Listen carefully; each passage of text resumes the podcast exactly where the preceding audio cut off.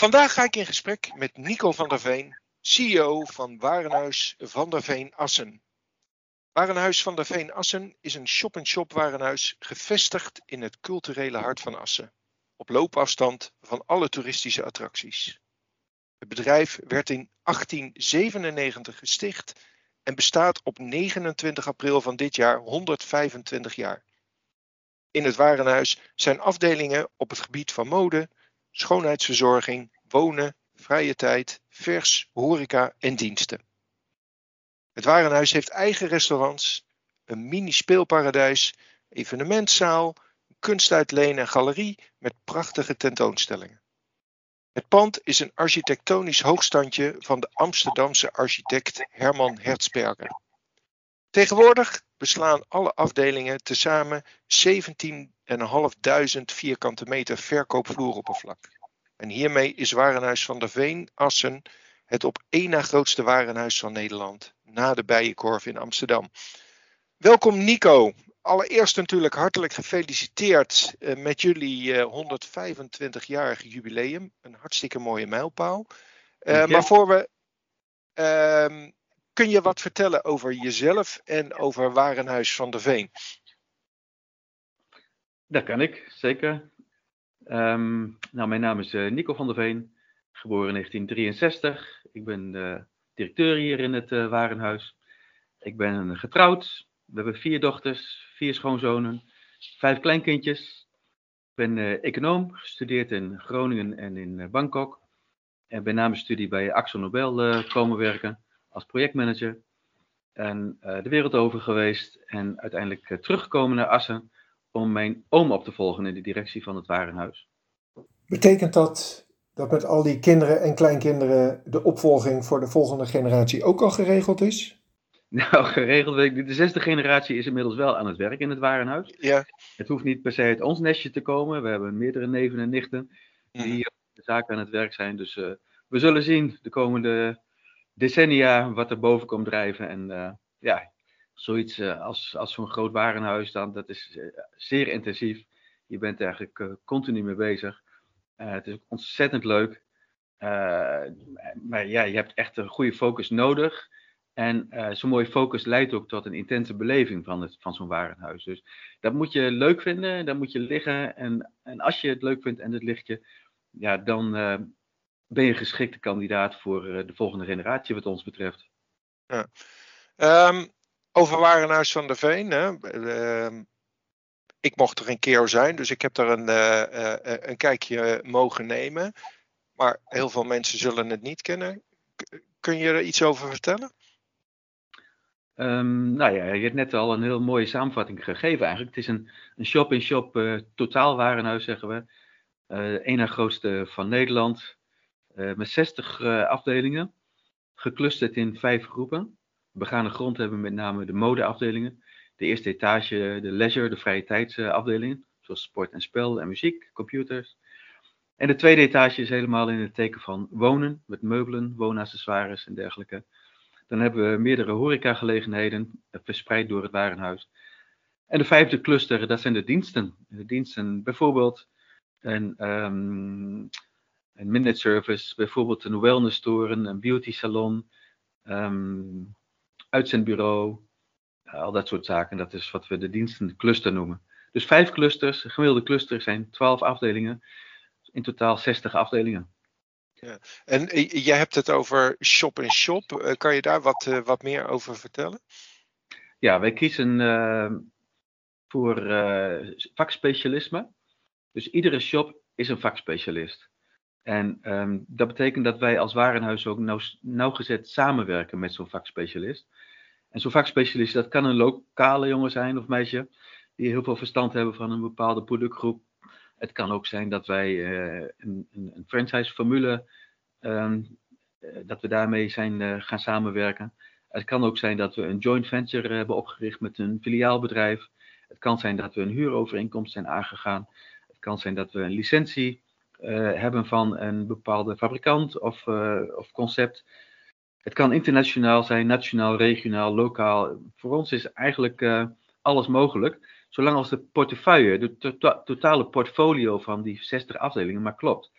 En dat moet een balans zijn. En, en zo'n balans in zo'n portfolio, ja, dat is, een, dat is een, een, een, kunst en een wetenschap. Dan moet je, dan moet je aanvoelen waar de balans zit in zo'n portfolio. Dat betekent dus veel contacten met potentiële partners. Uh, gemiddeld partnership bij ons per afdeling gaat zo'n 20 jaar mee. Halverwege gaan we nog eens een keer verbouwen. Uh, op een kwart gaan we nog eens een keer een, uh, oppimpen. We zijn eigenlijk altijd bezig met het vervolmaken van die portfolio. Mijn vader noemde het een, een warenhuisorkest. Hij, hij trok graag de parallel met een symfonieorkest.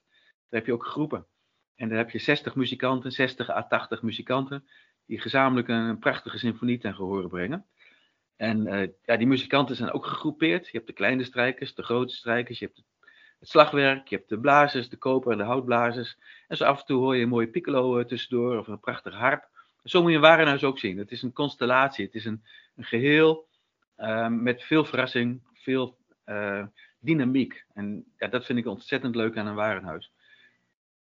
Is, is dat dan anders als een, als een overdekt winkelcentrum? Uh, want je praat dan ook over samenstelling van verschillende productgroepen.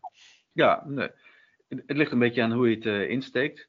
Kijk, um, vaak is het zo, een, winkelcentrum en vastgoedeigenaren, dat zijn vastgoedmensen. En wij zijn helemaal geen vastgoedmensen, wij zijn echt winkeliers. En dat is misschien een verschil, ik durf niet te zeggen, maar um, ja, het gaat wel om de samenstelling. En wij staan eigenlijk wat dat betreft open voor elke vorm van samenwerking. Dat is, voor ons is leidend het assortiment. Dat het ja. past in het orkest. En wij zullen nooit een bordje te huur ophangen. Wij zijn op zoek naar concepten, op zoek naar partners, naar vakspecialisten.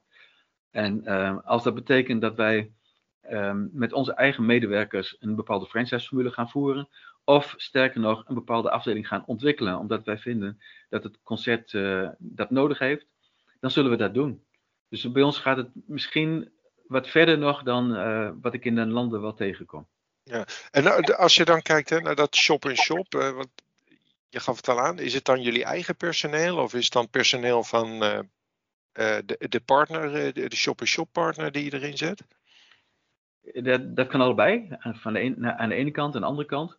Maar het kan ook iets tussenin zijn. Het kan ook een hybride vorm zijn. In een joint venture. Je kunt ook een, juridisch een joint venture eh, smeden en daar gezamenlijk in participeren. En eh, dat kun je in meerderheidsbelang doen, minderheidsbelang. Eigenlijk kan alles wel, wat ons betreft. Als maar, nogmaals, dat assortiment wordt gevoerd. Het maakt die klant uiteindelijk niet uit hoe het georganiseerd is achter de schermen. Als hij maar het mooie product kan kopen tegen een scherpe prijs, met goede informatie en door een vakspecialist overgebracht. En dan kom je een heel eind. En, nou had je het erover, hè? jullie hebben veel al partnerships van uh, 20 jaar of, uh, uh, of langer. toch, hoe, je, je, hoort veel verhalen over winkelcentra die sturen op omzet per vierkante meter en, en daar hun formules op, op uitkiezen. Hoe, hoe, doen jullie dat? Ja, uiteindelijk ehm, we hebben veel lol in het bedrijf en dat willen we ook graag houden. Dus dat betekent dat die continuïteit wel van belang is. En continuïteit krijg je niet door niet te letten op uh, rendementcijfers. Maar voor ons is het niet leidend. Voor ons is leidend het orkest. En um, ja, dat betekent dat je soms denkt van, nou, moet ik dit nou doen of moet ik dit nou niet doen? Um, ik noemde net al een piccolo in een symfonieorkest. Dan denk je, ja, het is zo'n klein instrumentje. Maar als je dan ziet wat voor, of hoort wat voor geluid er uit zo'n instrumentje kan komen, dan moet je daar niet te gering over denken. En, en als je een symfonie hebt met, waarin zo'n piccolo of een harp is uh, opgenomen uh, en hij wordt niet uitgevoerd, ja, dan denkt de kenner ook van wat is dit nou voor een uitvoering? Dat kan gewoon niet. Dus um, wij uh, halen onze neus niet op voor een klein afdelingje, zoals bijvoorbeeld een chocolaterie. Chocolaterie is een heel klein afdelingje, maar heel erg bepalend voor het gevoel van een warenhuis. En uh, dat, dat koesteren wij dus. En uh, daar zullen wij niet zo lichtzinnig afscheid van nemen, omdat de omzet per vierkante meter te laag zou zijn. Ja, oké. Um, we hadden het er net al over. April voor jullie heugelijk feit. 125 jaar, dat is natuurlijk best een, een enorme mijlpaal. Kun je iets vertellen over de geschiedenis? Ja, um, in kort bestek op 29 april, de datum die, die hij noemde, 1897, is onze overgrootmoeder getrouwd met onze overgrootvader. Ik zou haar zeggen, ze zijn samen getrouwd, het is ook zo. Maar het was onze overgrootmoeder die ehm, het bedrijf heeft opgericht. Op 1 mei 1897. Het feit dat ze trouwden betekende dat zij ontslag moest nemen bij haar uh, werkgever. En uh, dat vond ze helemaal niet erg, want ze was in 1891, zes jaar daarvoor, naar Assen gekomen. Vanuit Nieuwe Pekela om het warenhuis op te richten. Ze heeft die jaren gebruikt om de kat uit de boom te kijken en om um, nou, het plan rond te maken en tot uitvoering te kunnen laten brengen. Ze was naar Assen gekomen vanuit Nieuwe Pekela als dochter van een zeevarende kapitein met zijn eigen schip, een koopvaardijschip, een kofschip. Dat was mijn bedovergrootvader. Hij en zijn broers hadden meerdere kofschepen en ze voeren op de Oostzee, Noordzee, Middellandse Zee en de Zwarte Zee hebben ze decennia gedaan. En dat was vanuit de veenkolonie van Groningen heel gebruikelijk. Er werd veel turf geëxporteerd. Dus er is nu nog steeds veel uh, brandstoffen worden geëxporteerd vanuit Groningen. Zo doen we dat eigenlijk al eeuwenlang. Maar het is de eerste eeuw en altijd turf geweest. En die turfvaart die wordt ook wel gezien als de moedernegotie. De, de, de basis waarop alle handel voor Noord-Nederland ontstaan is. Nou, zo'n schipper, koopman, was onze bedovergrootvader. Hij nam regelmatig zijn kinderen mee op zijn schip. Zodoende heeft onze overgrootmoeder um, ja, grote steden als Liverpool, Londen, uh, Kopenhagen, Riga, Sint-Petersburg bezocht. Net in de periode tussen 1870 en 1880 dat de eerste grote warenhuizen werden gebouwd. En dat was een, echt een fenomeen, dat was iets nieuws, dat was, daar praatte iedereen over. Er werden romans over geschreven, over warenhuizen. De beroemdste Émile Zola, zijn Au Bonheur de Dame. En ja, zij vond het geweldig als meisje, als ze aan het passagieren was, terwijl vader aan het laden en lossen was in zo'n haven, dan mocht zij die warenhuizen uh, bezoeken, onder begeleiding van een van de bemanningsleden. Mijn vader is helaas in 1880 uh, omgekomen met zijn schip. En dat leidde ertoe dat uh, zijn weduwe, geassisteerd door haar dochter, met een winkeltje begonnen is in Nieuwe Pekela. En die dochter was geïnspireerd door die warenhuizen en die besloot om dat kleine winkeltje uit te bouwen tot een groot warenhuis. En dat heeft ze niet in Nieuwe Pekela gedaan, maar in Assen. Want in Assen was net toen, in die jaren, begin jaren 90 van de 19e eeuw, een hele grote kazerne gebouwd. Eigenlijk drie kazernes.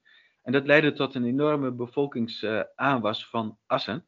En er was van alles nodig aan infrastructuur en aan beroepsgroepen. Onder andere winkeliers. Dus onze overgrootmoeder heeft om die reden uh, Nieuwe Pekela vaarwel gezegd, is naar Assen getogen, heeft eerst nog een aantal jaren bij een ander bedrijf gewerkt als uh, hoofd van het naaiatelier trof daar Barend van der Veen, ze heette zelf Antje Oldenburger, verliefd, verloofd, getrouwd en uh, op 1 mei 1897, twee dagen na hun trouwen, gestart met ons bedrijf, waar we dus nu ons 125-jarig jubileum mee vieren. Mhm.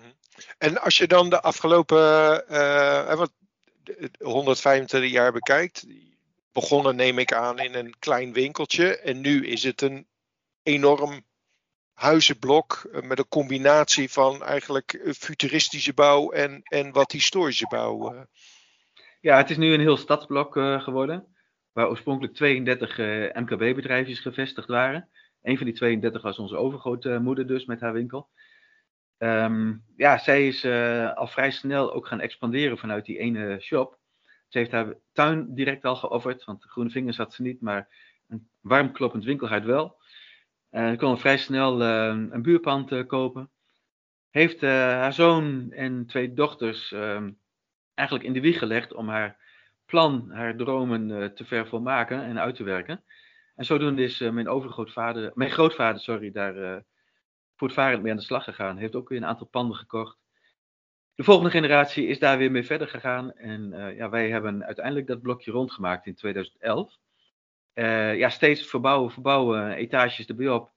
En zorgen dat je met efficiënte winkelruimtes te maken krijgt, zodat je ook goed en efficiënt en renderend winkeltje kunt spelen. Maar steeds langs dezelfde lijn die overgrootmoeder in die havensteden van de jaren 1870, 1880 heeft gezien. Namelijk een totaalwarenhuis bouwen met die clusters die ik net noemde van mode, vrije tijd, wonen, horeca en dienstverlening. Dat is eigenlijk altijd de grote lijn uh, geweest. En het kwam heel mooi uit dat uh, een flink aantal van die 32 MKB-bedrijven in dat stadsblok heel mooi pasten in dat uh, concert, in dat, uh, in dat orkest bedoel ik. Mm. En um, het was ook niet een kwestie van de buren eruit werken en het overnemen. Het was altijd de buren opzoeken, een kopje koffie drinken, besluiten om samen te gaan werken. Muren eruit slaan, verbouwen en samen verder. En zo is het orkest eigenlijk gegroeid en gegroeid tot het warenhuis van nu. Waarbij op een gegeven moment de buren allemaal geïnvolveerd waren binnen het warenhuis. En in de jaren 70, en met onze grote inkoopcombinaties als uh, Hobofaam, Samen Sterk, een Topkring, um, Obema, uh, het warenhuis steeds meer werd vervolledigd met concepten. Ja, uh, en jij do jullie doen het met z'n twee. jij samen, samen met je broer, broer Jelle, toch? Jelle is mijn neef. Neef? Ja. ja, wij doen met z'n vieren in de staf. Oké. Okay. Mijn broer Rinus, mijn ja, nicht Alka, mijn neef Jelle en ik. Hartstikke mooi. En dat is de vijfde generatie? Ja, wij zijn van de vijfde generatie. Vijfde generatie. Um, even kijkend naar alle ontwikkelingen die er zijn. Um, Warenhuis, lees je veel over, heeft het best uh, moeilijk. Uh, er wordt altijd geroepen van ja, misschien het luxe warenhuis dat die nog toekomst heeft. Hoe kijk jij naar de toekomst van het warenhuis? Zeg maar de volgende 125 jaar. Ja, ik, ik denk echt heel rooskleurig. Want een, een warenhuis is weliswaar heel intensief om, um, om, te, om te exploiteren. Uh, maar het is ook, ik denk, de beste manier van, van, van, van winkel voeren het is een, uh, ja, vanwege die samenhang van, van afdelingen, vanwege het feit dat je samen uh, heel veel kunt doen. Je hebt veel synergie, zowel aan de omzetkant als aan de, aan de inkoopkant ook, wat kosten betreft. Dus de rendement, het potentiële rendement is heel hoog, uh, maar het is heel intensief. Dus het is moeilijk om het, denk ik, om op het afstandje te runnen. Je moet er echt middenin zitten en dan is het ontzettend leuk om te doen. Um, maar als belegging denk ik dat het niet te doen is. Uh, dat is uh, heel ingewikkeld en daar ga je de plank misslaan. Maar toch ben ik ervan overtuigd dat de beste winkelstraat een shop-in-shop totaalwarenhuis is. En um, dat uiteindelijk ook steeds meer beweging zal zijn richting soortgelijke constructies als een shop-in-shop totaalwarenhuis. Vanwege het feit dat de klant het ontzettend waardeert. Wij krijgen mensen vanuit de wijde regio, zeker Noord-Nederland en um, ja, Drenthe is een, populaire provincie in het, voor toeristen. Zeker de afgelopen twee jaar. En ja, wij worden voortdurend aangesproken op uh, de gezelligheid, de fijne manier van, van, van winkelen, de veelheid aan evenementen, demonstraties, boekpresentaties, muziekoptredens, preuvenementen, lunchvoordrachten, modeshows. Dat is bij ons echt aan de orde van de dag. En ja, dat maakt dat het een, uh, inspirerende omgeving is om te winkelen. Maar is dat dan het onderscheid ten opzichte van, hè, nou ja, neem een voorbeeld, uh, het oude Vrome Dreesman, uh, Hudson's Bay, uh, dat het jullie wel lukt en dat het hen niet is gelukt? Mm, nee, niet, niet specifiek. Dat is een van de elementen. Maar kijk, we spelen natuurlijk in Nederland, zeker, en ik denk in heel veel landen in de wereld, spelen we topniveau uh, tennis bijvoorbeeld. Hè? Of een, we, zijn natuurlijk in een competitieve wereld. En als jij een goede tennisser bent, zeg ik wel eens, en je hebt een geweldige voorhand, nou, dat is geweldig, maar je gaat de partij niet winnen. Want jouw opponent heeft natuurlijk direct in de gaten dat jouw backhand maar is. Dus je moet gewoon op alle fronten excelleren. Dan, uh, dan, ben je, dan kun je meedoen in de, in de eredivisie. En um, ja, dus je, je kunt niet echt één element uh, aanvoeren. Maar dit is natuurlijk wel een belangrijke um, unique selling point uh, van ons als warenhuis. Dat, dat denk ik wel, ja. Zoals we nu bezig zijn met ons jubileumjaar voorbereiden. In samenwerking met het Drents Schildersgenootschap, met het Drents Museum, met het Drents Archief, met Theater De Nieuwe Kolk, met um, zoveel partijen zoals de International Association of Department Stores, Um, we zijn uh, bezig met uh, het Huis van de Tal, de Asserhistorische Vereniging. de, eigenlijk van de sotten waar wij allemaal mee bezig zijn. Maar we vinden het gewoon ontzettend leuk om te doen. Om samen te werken met al die culturele partijen in de binnenstad van Assen. En daarbuiten. He, dat, dat men vanuit Parijs wil komen om ons jubileumjaar te openen van de International Association of Department Stores. En dat Nijgen van Ditmar als uitgever een boek gaat, gaat uitgeven, geschreven door Siets van der Hoek, over 125 jaar Europese geschiedenis, gezien vanuit de ogen van een familiebedrijf. Ja, dat vinden wij zo leuk. Ja. En dat het Drents Schildersgenootschap een, een catalogus bij hun tentoonstelling over warenhuizen, specifiek gemaakt, uh, uitgeeft. Met een voorwoord van de Drentse provinciaal historicus over het fenomeen warenhuis. Ook uh, veel informatie ontlenend aan het boek uh, Winkelen in Weelde van meneer Roger Millet en Marieke Voorn. Dat vinden wij fantastisch. Dat, alleen dat al geeft zoveel arbeidsvitaminen dat je ja, dat, dat die focus voor ons geen enkel punt is om uh, aan het warenhuis te geven. Die, die, ja, het is, uh, ik denk dat dat ook een heel belangrijk element is. We, we hebben geen, wij zijn on, onconditioneel of zonder condities bezig met dit bedrijf. Ja. En dat vinden we gewoon leuk. Ja, het is ook onze grootste hobby. Dat, uh, dat, die passie die spat er ook vanaf. Eh, toch, Nico, als je kijkt, ehm, de fysieke winkel heeft het de afgelopen jaren toch, toch moeilijk gehad. Daar komt corona nog eens een keer bij met de, lockdown die jullie de afgelopen twee jaar toch verschillende keren ervaren hebben. Hoe kijk jij naar de toekomst van de fysieke winkel? Oh, ja, net zo rooskleurig als ik net schetste van de warenhuizen. Mhm. Ja, ik bedoel, iedereen heeft nu het spelletje wel door uh, wat het is om omnichannel te, te acteren. Um, dus uh, nee, ik, ik, ik, de, de discussies van, van 10, 15 jaar geleden, een soort van schisma tussen de bricks en de clicks, nou, dat is in mijn beleving niet meer aan de orde. En eigenlijk, in retrospect, is dat nooit aan de orde geweest natuurlijk. Mijn overgrootmoeder, die begon in 1897 maar die was heel veel, uh, ja, ik zou zeggen, uh, post, postkaart of briefkaart commerce aan het doen. En die, die liet ook weten per briefkaart aan de verenigingen, de huishouden, de, de, de, hoe dat, de vrouwenverenigingen in, in, de hele provincie, dat ze eraan kwam met de nieuwste collecties. En dat ze een, een, een demo kwam geven. En mijn overgrootvader, die, die deed ook niks anders dan de provincie doorgaan en, en brieven schrijven, briefkaarten. En ook orders ontvangen in de winkel per briefkaart. Nou, dat klinkt heel uh, ouderwets. En dat is natuurlijk ook, wat dat betreft, is de techniek ja, ongelooflijk veel verder dan 125 jaar geleden. Niet te vergelijken. Maar het omnichannel idee is altijd nog hetzelfde. En toen de telefoon kwam, we kregen de eerste telefoon uh, ergens vlak voor de Eerste Wereldoorlog. Ja, dat was ook een enorme sensatie dat je een order kon ontvangen per telefoon. En dan via Vergent en Loos weer opstuurde naar de klant. In Drenthe is, dat sowieso, en in alle dunbevolkte gebieden van Nederland, heel gebruikelijk geweest om heel veel aan huis te bezorgen. Want uh, in die tijd was men niet zo mobiel. Je kwam niet elke week in de stad. Je, je was bezig met je, met je boerderij. En je, die koeien moesten worden gemogen twee keer per dag. Dus veel tijd om te winkelen had je natuurlijk niet. Dus uh, er werd ontzettend veel, ik denk wel 70%, 80% van de omzet van de winkel ging via Vagent en Loos, werd thuis afgeleverd. Dus uh, eigenlijk is er wat dat betreft niet zo heel veel veranderd. Dat omnichannel uh, idee is altijd geweest, alleen de techniek is totaal onvergelijkbaar met hoe het toen was.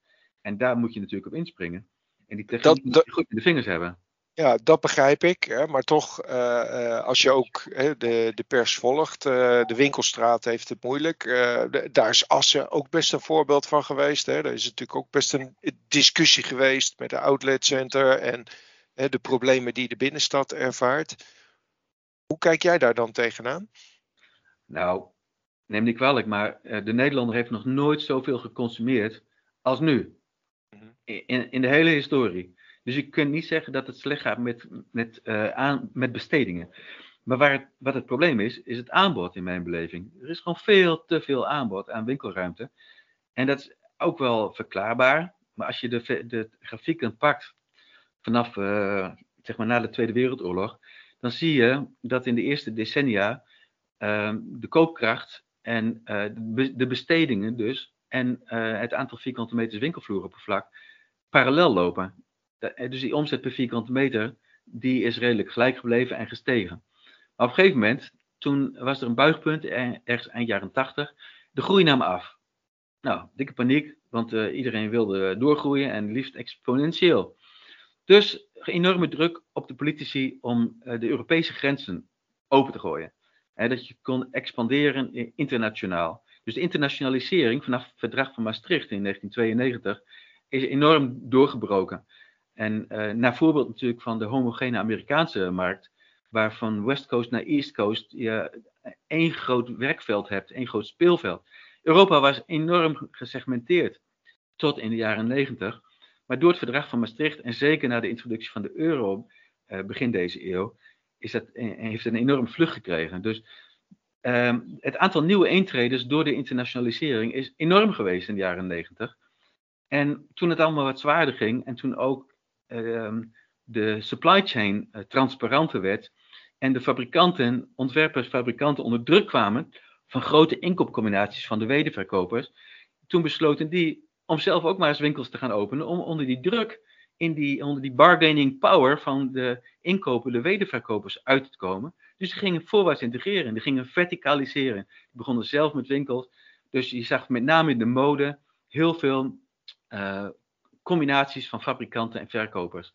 nou, noem nou een, een, een Henderson Maurits, noem nou een Zara. Die hebben eigen ontwerpers, eigen producenten, eigen winkels, eigen webshops. De hele supply chain tot en met die consument in eigen hand.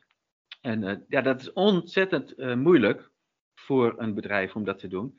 Maar als je het kunt en je hebt uh, de organisatie skills om het te doen, dan, dan, is, er, dan is dat ongelooflijk powerful, krachtig voor een bedrijf.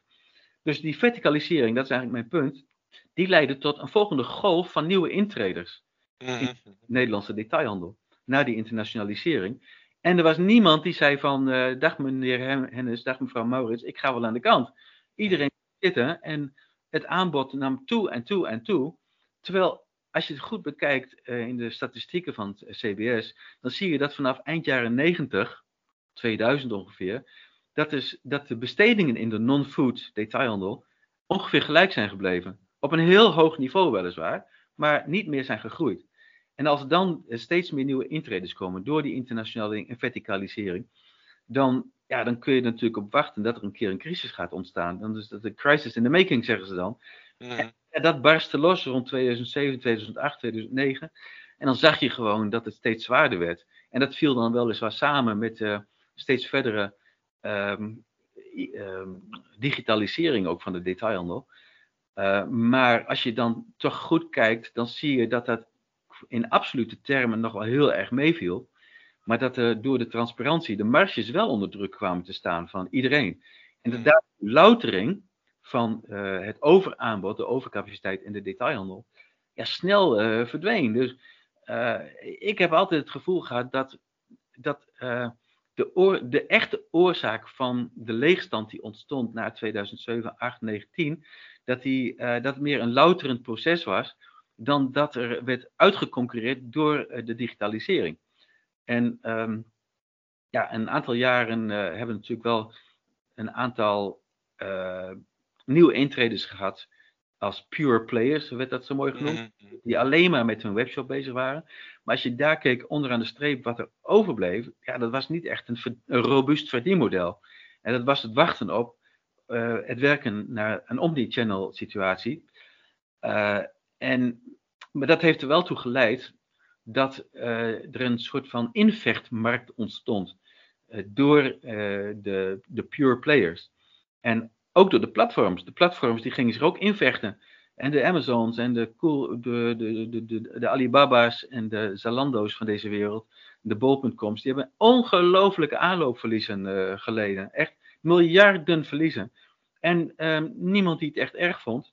Want het zou toch wel eh, gaan lukken. Iedereen dacht wel van, ja, die digitalisering die gaat totaal doorbreken. En de fysieke winkels die hebben helemaal geen uh, overlevingsmogelijkheden. Die worden totaal weggeblazen. Nou, dat gevoel hebben wij nooit gehad. Want als je goed gaat kijken naar de, naar de verdienmodellen. Als je goed gaat kijken naar um, de absolute omzetten. En je kijkt ook naar de verdienmodellen van de, van de, van de bricks, hè, van, de, van, de, van de winkels, de fysieke winkels. Dan is er een periode geweest van ja, echt een concurrentieslag en een uitputtingsslag haast in de detailhandel. Maar ik heb nooit het gevoel gehad dat dat zou leiden tot het wegvagen van de fysieke winkels. Nooit. En ik heb steeds gedacht van dat, dat komt uiteindelijk uh, goed, er komt een nieuwe balans.